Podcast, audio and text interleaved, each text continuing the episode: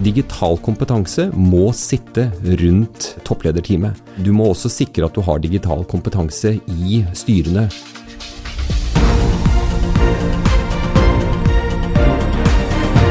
Dette er All In med Oslo Business Forum. Dagens gjest har lang erfaring som både toppleder, styreleder og forretningsutvikler.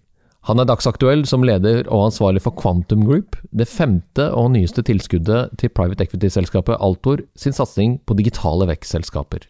Og Her ser de på software, digitale innholdsproduksjon og distribusjonsselskaper, og har et uttalt mål om å skape milliardkonserner. Så de har lagt lista høyt, og har gått grundig til verks gjennom en kartlegging av 1400 nordiske selskaper, for å finne hva som kjennetegner topplinjevekst, økte inntekter over tid, med andre ord. Et av hovedfunnene er at selskaper som har tung digital kompetanse i toppledelsen, vokser betydelig mer på topplinjen enn selskaper som ikke har denne kompetansen. Det er påstanden. Sammen med meg i denne podkasten har jeg mannen bak undersøkelsen og med oppskriften på hva de fleste selskaper må gjøre framover.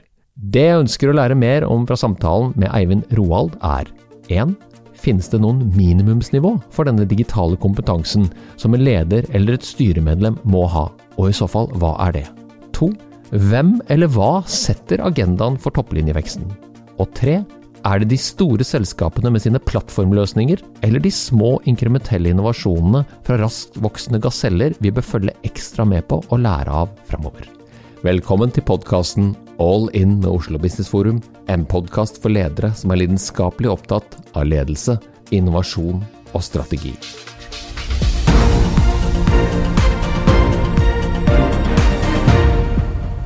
Så velkommen, Eivind. Takk for det. Du i sin tid jobbet jo i SAS, i ledergruppen i SAS, mm. og var jo med på, hvis ikke jeg husker feil, å lansere den første SAS-appen. Ja, det stemmer. Jeg kom jo inn der eh, akkurat før det ble storkrise i 2012. Eh, og en av de tingene som eh, var på trappene da, det var jo egentlig lanseringen av SAS-appen, som ble lansert i, i det momentet. Og ble faktisk den ledende appen innenfor flyindustrien i Europa. Eh, mest nedlastede og den beste med best funksjonalitet. Og var egentlig det første skrittet som SAS tok ut i den digitale verden. Det må jo ha vært litt skummelt også, for det var jo en tradisjonell eh, måte å fylle flyene på. Og så kommer dette med teknologien inn som en slags mulighet for å prøve det, om dette funker. Og det funket jo. Ja, altså all ny teknologi er jo farlig, og kanskje først og fremst farlig for de eh, selskapene og de ansatte som eh, har lang historie. Det merket man jo i et SAS-selskap eh, som eh, var født i 1946 og eh, hadde med seg mye, mye tradisjon. Så enhver form for ny idé, den ble nok møtt med litt sånn skepsis.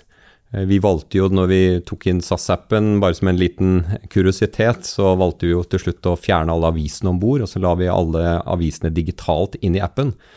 Jeg husker veldig godt at min gamle far eh, han ringte meg og spurte hva i all verden jeg hadde funnet på nå, for nå skulle han i hvert fall ikke fly SAS lenger, fordi han ikke fikk avisene.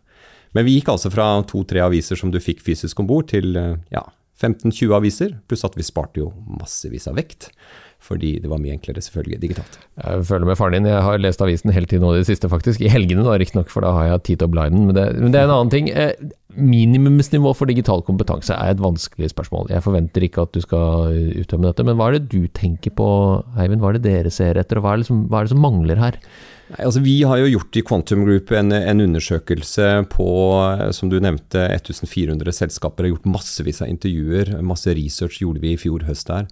Eh, det vi fant, som vi eh, kanskje ikke var så overraskende, men likevel er litt skremmende, det er jo at eh, oppfatningen av kompetanse, enten i ledelse hos, eller i styrene, sett fra organisasjonens side, altså fra, fra de medarbeiderne som er ute i organisasjonen, den er faktisk ganske lav. De betrakter at kunnskapen og innsikten for de som treffer beslutninger, ikke minst om investeringsbeslutninger, at de ikke har kunnskap nok, at de ikke har kompetanse nok, og at det derved så at man ikke evner å utnytte all den innovasjonen som finnes ved bruk av teknologi. Men Hvilken kompetanse snakker vi om da? Nei, det å bare tro at eh, fordi du nå kan bruke Teams, eller, eller at du har eh, vært eh, Facebook-bruker i lengre tid, tilsvarer at du har nok digital kompetanse, det, den tror jeg vi alle er enige om at det ikke er det vi snakker om. Men først og fremst så dreier det seg om å forstå sin egen virksomhet og hvordan teknologi kan enten være med på å effektivisere eller øke produktiviteten i virksomheten, og sånn sett ta ut mer manuelle ledd.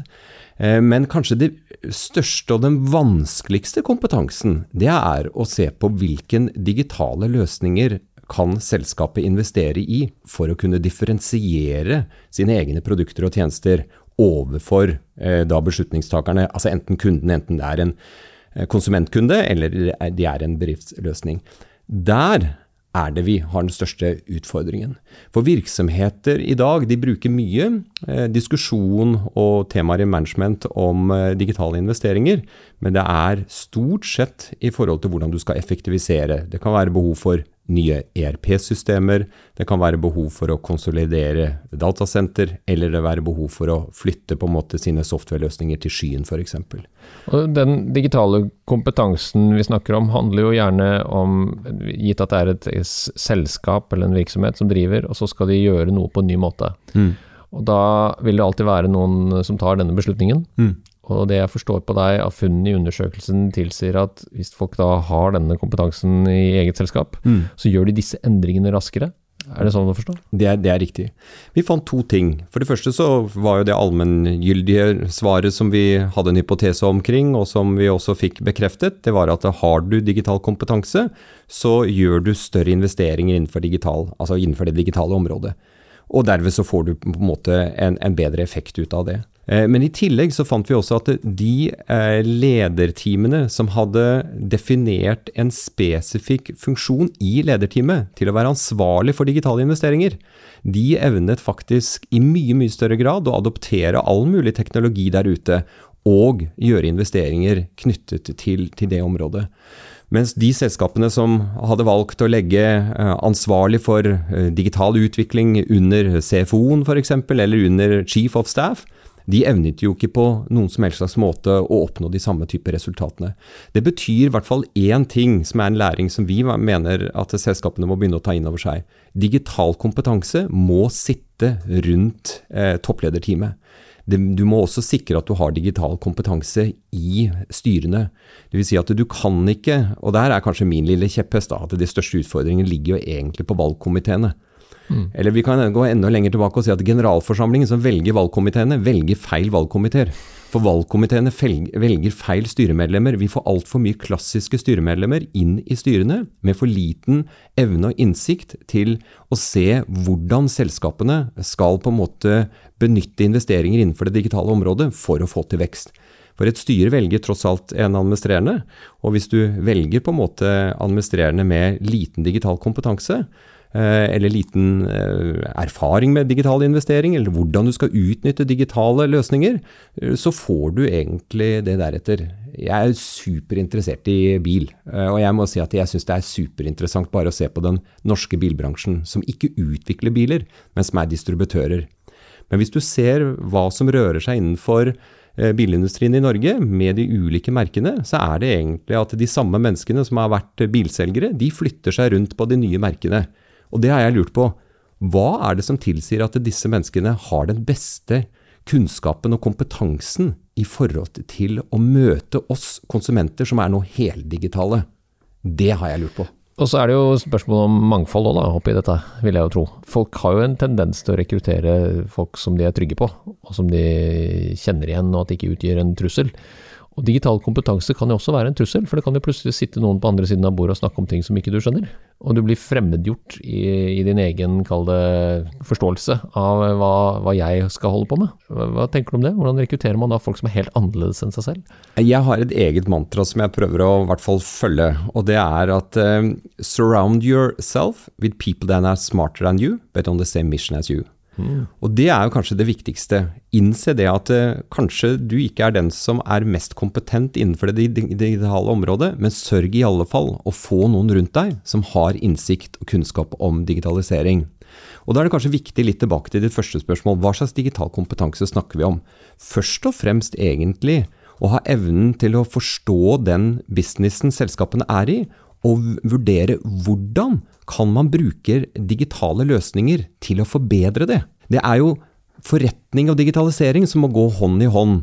Man snakker ikke bare om at man skal gjøre investeringer i nye servere eller nye PC-er eller nye video på en måte utstyr.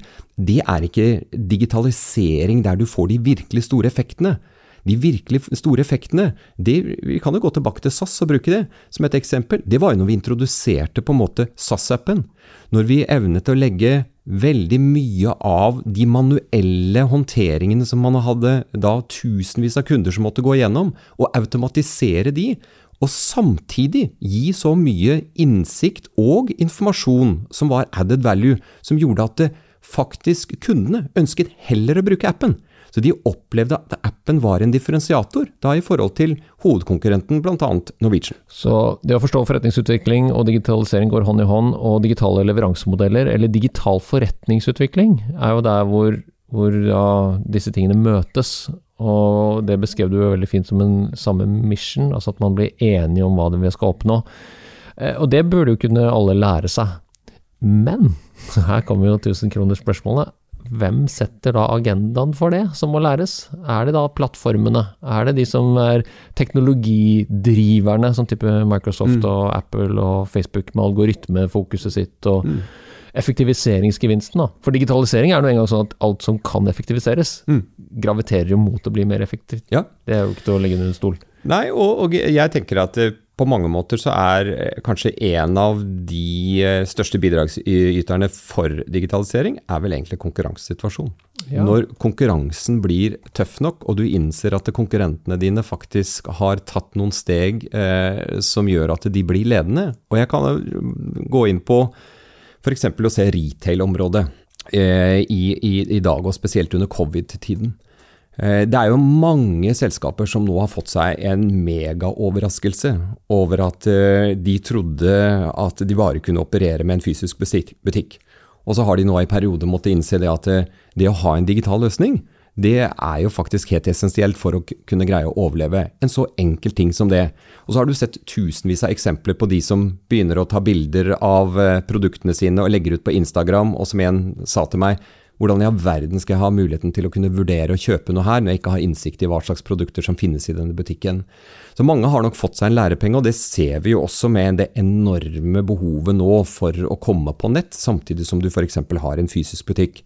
I Quantum Group så har vi et selskap i Danmark som heter Hesehus, som er den ledende selskapet for Ecom-plattformer i det danske markedet. De har nå tre år på rad vunnet prisen som nummer én sammen med et eh, retail-selskap som heter Matas. Det er et stort børsnotert selskap som eh, både har en rekke fysiske butikker, men har hatt en online-omsetning som har vært helt dramatisk positivt, ikke minst i covid-tider. Disse omsetter produkter som, som sminke og sjampo og er en, en, en, typisk eh, masseprodusent eller massedistributør av denne type produkter.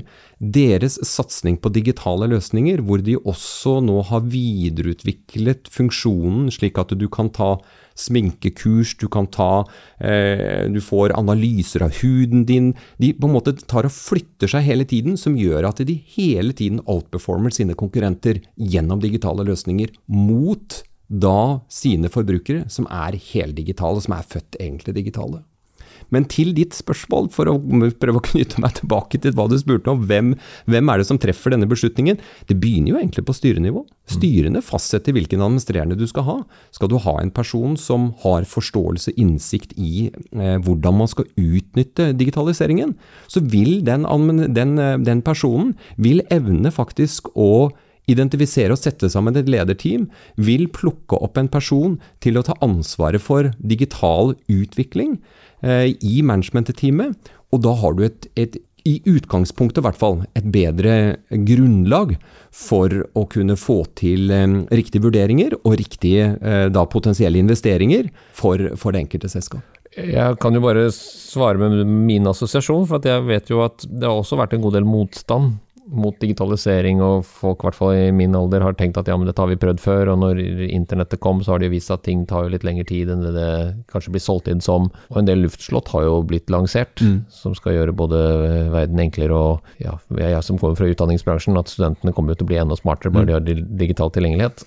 Som, og at de lærer så mye raskere hvordan de også skal være digitale mm. Eh, borgere. Mm. Men jeg ikke jeg, jeg, jeg, forstår perspektivet fra, fra equity-verden, men jeg er også litt sånn har, Hva tenker du rundt den motstanden som ligger der? Er det, er det, hvordan, hvordan, møter man den? Altså Det er jo en reell motstand, eh, og den må man jo forholde seg til. Eh, nå tror jeg det vi ser i form av de generasjoner som nå i større og større grad kommer inn i arbeidslivet, som sagt, de er født digitale. De, de forventer egentlig bare digitale løsninger. Eh, jeg tror nok de fleste virksomhetene vil oppleve at det kommer til, istedenfor at det er motstand, så kommer det til å være et krav. Det kommer til å være en forventning til at man i mye, mye større grad eh, investerer digitalt. Ikke bare i form av samarbeidsløsninger internt i selskapene som skal gjøre ting mer effektivt, men ikke minst i forhold til, igjen tilbake til litt mitt mantra, hvordan skal du greie å differensiere produktet og tjenesten din? På, altså gjennom digitale løsninger. På hvilken måte skal du fremstå eh, med merkevaren din, være annerledes enn de andre. Og jeg, jeg tror sånn sett at um, Vi snakket jo litt her i sted om er det, de, er det inspirasjonen de store plattformene f.eks.? Er det liksom Microsoft, er det liksom Apple, er det liksom Alphabet med Google osv.? Ja, noe av de vil nok sette premissen for veldig mye av det vi gjør. Det må vi nok bare erkjenne at en del av de har fått veldig stor makt, og de vil bare være en premissleverandør. Men inspirasjonen tror jo jeg i stor grad kommer fra veldig, veldig mange små selskaper. Eh, ta Kolonial, som nå for så vidt skifter navn, men, men ta en del av disse nye startupene og jeg må jo si det at um, selskapsstrukturer eller, eller plattformer og, og, organisasjoner som, som type Antler f.eks. Uh, eh, er en god bidragsyter i den sammenheng, som greier å både identifisere og supportere nye ideer, nye initiativer på, på nye typer startups. For det, jeg tror nok det er i mengden av alle disse gode ideene her vi kommer til å, eh, å se ny innovasjon. Delvis framtvunget av endringer i hele samfunnsstrukturen. Delvis, nå kan vi snakke om eh, framtvunget fra, fra covid, liksom, året vårt. Med, med, helt nye løsninger som egentlig vi ikke hadde før. Eh, så kan vi ha mye diskusjon om, om eh, teknologi knyttet til sparkesykler og, og, og, så, videre, men det er jo tross alt på en måte hele tiden innovasjon i en retning hvor digitaliseringen ligger egentlig i, i, grunn. Så jeg tror, ja, på den ene siden så skal du la deg inspirere av de store. På den andre siden tror jeg kanskje den største inspirasjonen ligger egentlig å følge disse gasellene og være tett på. Det du egentlig snakker om, Eivind, er jo adopsjon. Altså det å være mottakelig for at noe du kanskje trodde ikke kom til å funke noen gang, mm. eller du har til og med prøvd og ikke fått det virke, viser seg å bli adoptert av det, det brede lag av opinionen, når folk begynner å ta i bruk den digitale postkassen til Posten. Mm som jeg nå tror 2,5 millioner nordmenn har gjort. Mm. Eh, jeg gjorde det ikke, for jeg syntes det var så trøblete den første gangen. Mm. Men jeg innser jo nå at der kommer jo kommunikasjonen med myndighetene til å flytte seg. Så den adopsjonsviljen, eller hva det er for noe, den må jo trenes opp da, hos vi som ikke er født digitale. Er det der vi skal starte, da? Ja, Om vi skal starte der, eller om den fremtvinger seg altså Jeg tror enhver løsning som ikke har en verdi, som ikke du som, eh, som bruker ser som en verdi, det vil alltid ha en utfordring. Eh, igjen tilbake til SAS-appen. Vi la så mye verdi inn i den appen at de fleste de kuttet jo ut å stå egentlig for å sjekke inn. De gjorde innsjekket. Og det var jo hele tiden vår på en måte innovasjonsfokus i appen. Den skulle jo på en måte gi deg enda mer informasjon. Så når vi begynte å legge inn informasjon når du landet, om når neste flytog sto på perrongen, slik at du kunne finne ut om du måtte løpe eller om du kunne gå innom taxfree-en f.eks. Når vi, spesielt i utlandet, da, la inn informasjon om du kunne bare trykke på én button på appen, så sto det en Uber utenfor på en måte flyplassdøra. Det ga på en måte mer mening og mer value hele tiden, og da kommer adopsjonen ganske raskt. Enten du begynner å få litt grå hår, sånn som eh, eh, både jeg og deg får når vi er passert 50, eller på en måte eh, du, du har som hatt en grunnleggende motstand da, mot, mot teknologi. Men jeg tror vi kanskje vi lager det mye mer kompleks enn det vi egentlig trenger å gjøre det. jeg vet at når pandemien startet, så hadde vi et selskap på besøk hos oss som eh, fortalte om noen som distribuerte antibac. Men de hadde ikke noen løsning for digitalt kjøp av antibac. Altså nå snakker vi for ganske nøyaktig ett år tilbake, våren 2020, så er det selskaper som fortsatt ikke har digitale løsninger for det vi, de fleste av oss, forventer er helt basic, egentlig digitale løsninger. Eh, og så kommer du så langt som å si det at det, Trenger vi egentlig å ha noen fysiske butikker der ute? Kan vi egentlig gå all online? Og hvis du bare skal da være online, da, hvordan i all verden skal du da greie å differensiere deg? For du kan jo selv prøve å fortelle meg hva er det som er så enormt forskjell på en veske? Er ikke en veske veske? Er ikke en kontorstol en kontorstol? En bil er bil? Jeg fikk jo det spørsmålet, jeg også. Et flysete, er det et flysete, Eivind? Hvorfor i all verden skal du ta 30-40% høyere pris på SAS enn på Norwegian når vi fløy vinge til vinge? Men vi evnet å få det til, delvis gjennom digital differensiering kontra på en måte Norwegian, og delvis gjennom en del andre grep vi gjorde rundt merkevaren. Alt med fokus på topplinjevekst. Hvordan skal vi få flere kunder om bord som er villige til å betale mer per sete, og som er enda mer lojale enn de som valgte på en måte konkurrenten? Så det fins en måte å gjøre det på der ute, men dette må bli agenda i toppmanagement, og det er det dessverre ikke i dag. Nei, og digitale tjenester er jo helt åpenbart en lavthengende frukt, som er et, mm. en annen metafor, som egentlig hver leder eller beslutningstaker bør utforske. Mm. Og der syndes det nok mye, for det blir mye operations, og så tenker man at digitalisering handler først og fremst primært altså om effektivisering, mm.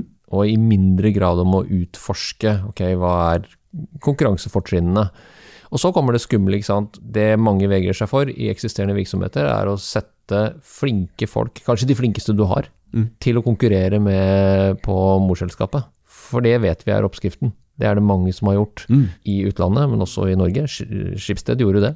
Eh, litt motvillig, tror jeg, internt her med, med finn.no. Mm. Tok jo, gikk løs på rubrikkannonsene, gjorde de digitale. Eh, og den casen som et intraprenørskap, er det en sånn type modell som du bruker når du møter modne og etablerte selskaper? Ja, spesielt der hvis du snakker om bransjer eh, ja, Ta retail, som er kanskje det enkleste å forholde seg til. Altså eh, Store retail-konsern som primært har bare fysiske butikker. Som ikke har vært tidlig nok på en måte til å ta grep rundt digitale løsninger, de har jo en utfordring. Og om utfordringen skyldes fordi det ble for stor motstand internt, slik at man begynte å motarbeide fordi man oppfattet at den digitale kanalen var en kannibalisering på den fysiske butikken, det skal ikke jeg svare for. Det er jo interessant eh, for så vidt da, et, et, eh, velkjent merkenavn i Norge som vi alle leser om i disse dager. Det er jo de utfordringene Varne-konsernet har med sine ulike superbrands. Og eh, i hvert fall jeg har bare lest om de nyhetene, at de har ganske store utfordringer med den digitale løsningene sine, og har liksom ikke funnet egentlig helt svaret på det. Og så har du andre motsatt. Vi har et et apotek i Sverige som vi jobber med, Apotek eh, Kronan, som, eh, som har økt sin online-omsetning 450 eh, de, de siste tolv månedene. Ja, veldig mye drevet av covid, selvfølgelig. Men det at de har valgt å satse så tungt på digitale løsninger, med både organisasjon, med investeringer i digitale løsninger, både på web og på, på app, med klikk og collect, gjøre det egentlig helt sømløst har jo medført at posisjonen til eh, det, den apotekkjeden eh, har økt. Dvs. Si at de har fått økt markedsandel også. Mm. Finnes det en Eivinds metode, da? når du nå går løs med kvantum og alt over i ryggen og kan gå på shopping? Eh, Eivind? Ja, jeg skal ikke si at det finnes en Eivinds-metode, men det, vi, har, vi, har, gjort noen erfaringer. Jeg og noen med meg gjorde noen erfaringer i den reisen med SAS, hvor vi snudde egentlig det merkenavnet som var helt komplett ødelagt når vi kom inn der i 2012.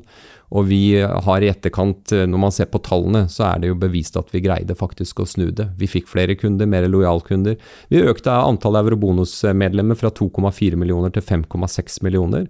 Det er den mest lønnsomme gruppen som SAS har, og som er kanskje hovedgrunnen til at fortsatt SAS er et ledende flyselskap. Jeg så jo resultatene de fikk på siste kundeundersøkelsen som kom nå, at de er fortsatt blant de, i hvert fall innenfor sin bransje, men også blant de ledende merkevarene. Så noe, noe riktig gjorde teamet mitt eh, den gangen. Eh, og jeg er veldig stolt av å få vært en del av, av, det arbeidet der. Men det krever en times foredrag om hvordan man gjør det. Men det er noe innsikt her, og det var nok noen som spisset ørene nå og tenkte hm, dette kunne vært interessant å høre mer om. Og nå er jeg jo litt spent, for at kvantum uh, er jo litt cherrypicking. Mm. Altså dere kan banke på døren til nesten hvem som helst og tilby mm. uh, ressursene som et venturefond kan gjøre. Ja. Hvor langt har dere kommet i, for dere er jo ganske nystarta? Ja, Quantum er jo et 100% eid selskap av Altor uh, Equity Partners. men vi fungerer på like linje som alle de andre ca. 40 selskapene som Altor har investeringer i. Eh, men vi lanserte det jo først nå her i, januar, bare for noen måneder tilbake. Eh, per i dag så har vi syv merkevar, eh, merkenavn innunder gruppen vår. Og har en omsetning i gruppen på ca. 650 millioner. Vi kommer ned i løpet av neste tolv månedene til å passere en omsetning på over en milliard, og vi har en veldig stor interesse for å være en del av denne gruppen. Det som gjør kvantum til noe helt unikt, er at vi har fokus på å invitere selskaper inn i gruppen som ene og alene jobber eh, overfor salg- og markedsdirektører, eh, de som er ansvarlig for digitale investeringer, for å bidra til topplinjevekst. Så vi er ikke et selskap som jobber med helseteknologi, eller vi jobber med finansteknologi eller ERP-systemer. Alle våre selskaper de har på en måte det hovedfokuset. Så drømmen min er jo da om kanskje noe tid, når det står en, en, en toppledelse, en CEO eller et styre og ser på tallene at det har bare vært liksom 2-3 topplinjevekst i de siste kvartalene, og trenger hjelp, da ringer man ikke til McKinsey men man ringer til Quantum, og så sier man i Quantum så må det finnes noen selskaper som kan hjelpe meg med det. Og det skal være vårt fokus. Vi skal ha en eh, stor ambisjon for denne gruppen. Om noen to-tre år så regner vi med å ha en omsetning på noen få milliarder. Da kommer vi til å vurdere om vi skal børsnotere også selskapet. Men i første omgang nå de neste årene, så er det først og fremst å invitere flere selskaper inn. Og der er vi godt i gang, og vi gleder oss til å se hvilken sluttspurt vi får på dette året her også. Vi begynte bra, og vi skal avslutte bra også. Og du er god til å skaffe deg oppmerksomhet. Vi kommer nok til å få med oss dette, vi som er nysgjerrig på kvantum. Og jeg synes, Nå skal jeg prøve å oppsummere litt, som jeg synes det har vært veldig fint å snakke med deg om. Denne digitale kompetansen som det er bare å skaffe seg den på ulike måter, selvfølgelig. Den kan være gjennom reskilling, som konsulenthusene nå er veldig opptatt av. Du har ja. sikkert også fått med deg, for det er visstnok mye billigere å mm. lære folk nye ferdigheter. Overraskende nok. Mm. Eh, men de må jo ville det, og det er jo den mission-fokuset. At du må jo få med de folkene som er villige til å endre seg. Mm. Jeg tror covid-perioden har vært en vekker for veldig, veldig mange. Både det vi har sett rundt oss, og det at vi kan få til samhandling, og at vi er mye mer avhengige og mye mer sårbare også, mm. enn det vi kanskje trodde vi var. Mm. Det er ikke så veldig mange backup-løsninger og plan B-er. Så den digitale forretningsutviklingen har jo kommet for å bli. Mm. Eh, de som har lyktes med det gjennom covid, har jo vært stort sett digitalt orientert, mm. med noen unntak selvfølgelig. Og den kompetansen er tilgjengelig. Eh, jeg syns det var veldig spennende å høre den koblingen din med erfaringen din fra både konsulentarbeidene du har gjort, og SAS-erfaringen din, mot det å tenke tjenester. Jeg tror vi fra undervisningssektoren har snakket om digitalisering av tjenester i så lenge at jeg nesten blir mm. lei av å høre det. Men mm. nå oppdager jeg at nå omfavnes det jo i næringslivet. Mm. Jeg, jeg, savnet litt en ting som jeg må spørre deg om, dette med mangfold og bærekraft og de andre elementene. Mm som åpenbart er konkurransefortrinn. Ja. Mm. Hvor er det hen i portefoliotankegangen din? For det første så Vi på like linje med veldig mange andre selskaper har jo fokus på dette. Vi mm, som ett av porteføljeselskapene til Altor må også avlevere vår ESG-rapport. Mm. Eh, som innbefatter selvfølgelig en eh, rekke ting som eh, først og fremst for oss dreier seg om hva er det vi som gruppe av selskaper bidrar med overfor sluttklientene våre. Og det er klart at det, eh, gjennom en digitalisering der ute, så bidrar vi til å effektivisere veldig mye distribusjon. Vi bidrar til eh, i større grad å hjelpe selskaper som kanskje har reist mye, til å reise mindre. Og så bidrar vi til i større grad å eh, ha mangfold, det være seg både eh, fra ulike typer kulturer, globalt eh, ikke minst, men ikke minst også å supportere på en måte eh, kunnskapsutvikling for kvinner og jenter når det gjelder digitalisering, som vi er veldig, veldig, veldig opptatt av. Og vi kommer til å se mer av dette samhandlingen mellom kvantum og satsing på kvinnelig teknologi og digitalisering, eh, men det kan jeg ikke røpe for mye om ennå. Du er god, ass. Skal dere publisere hele rapporten, eller skal dere slippe den litt sånn i drypp? Vi kommer til å slippe den litt i drypp, så det kommer nå de neste ukene og månedene. Så vil man nok lese mer om den uh, ute i mediene, og så uh, får vi se hvordan vi tar det de neste ukene. Det, det kommer litt an på responsen også. Foreløpig så er responsen enormt, så det er litt mer uh, vi, vi, kan ikke være for aktive, da greier vi ikke å håndtere. og Vi skulle ønske å håndtere alle henvendelser på en veldig god måte. Det er jeg helt sikker på dere klarer. og dette var en helt strålende samtale. Og takk for at du deler innsikt og tanker eh, med oss, Eivind. Takk for at du fikk komme. Hvis du likte denne podkasten, hadde vi satt utrolig stor pris på om du abonnerte og gir oss en tilbakemelding i avspilleren. Spre gjerne ordet videre til andre ledere som er lidenskapelig opptatt av ledelse, strategi og innovasjon. Mitt navn er Tor Haugnes. Sammen er vi all in med Oslo Business Forum.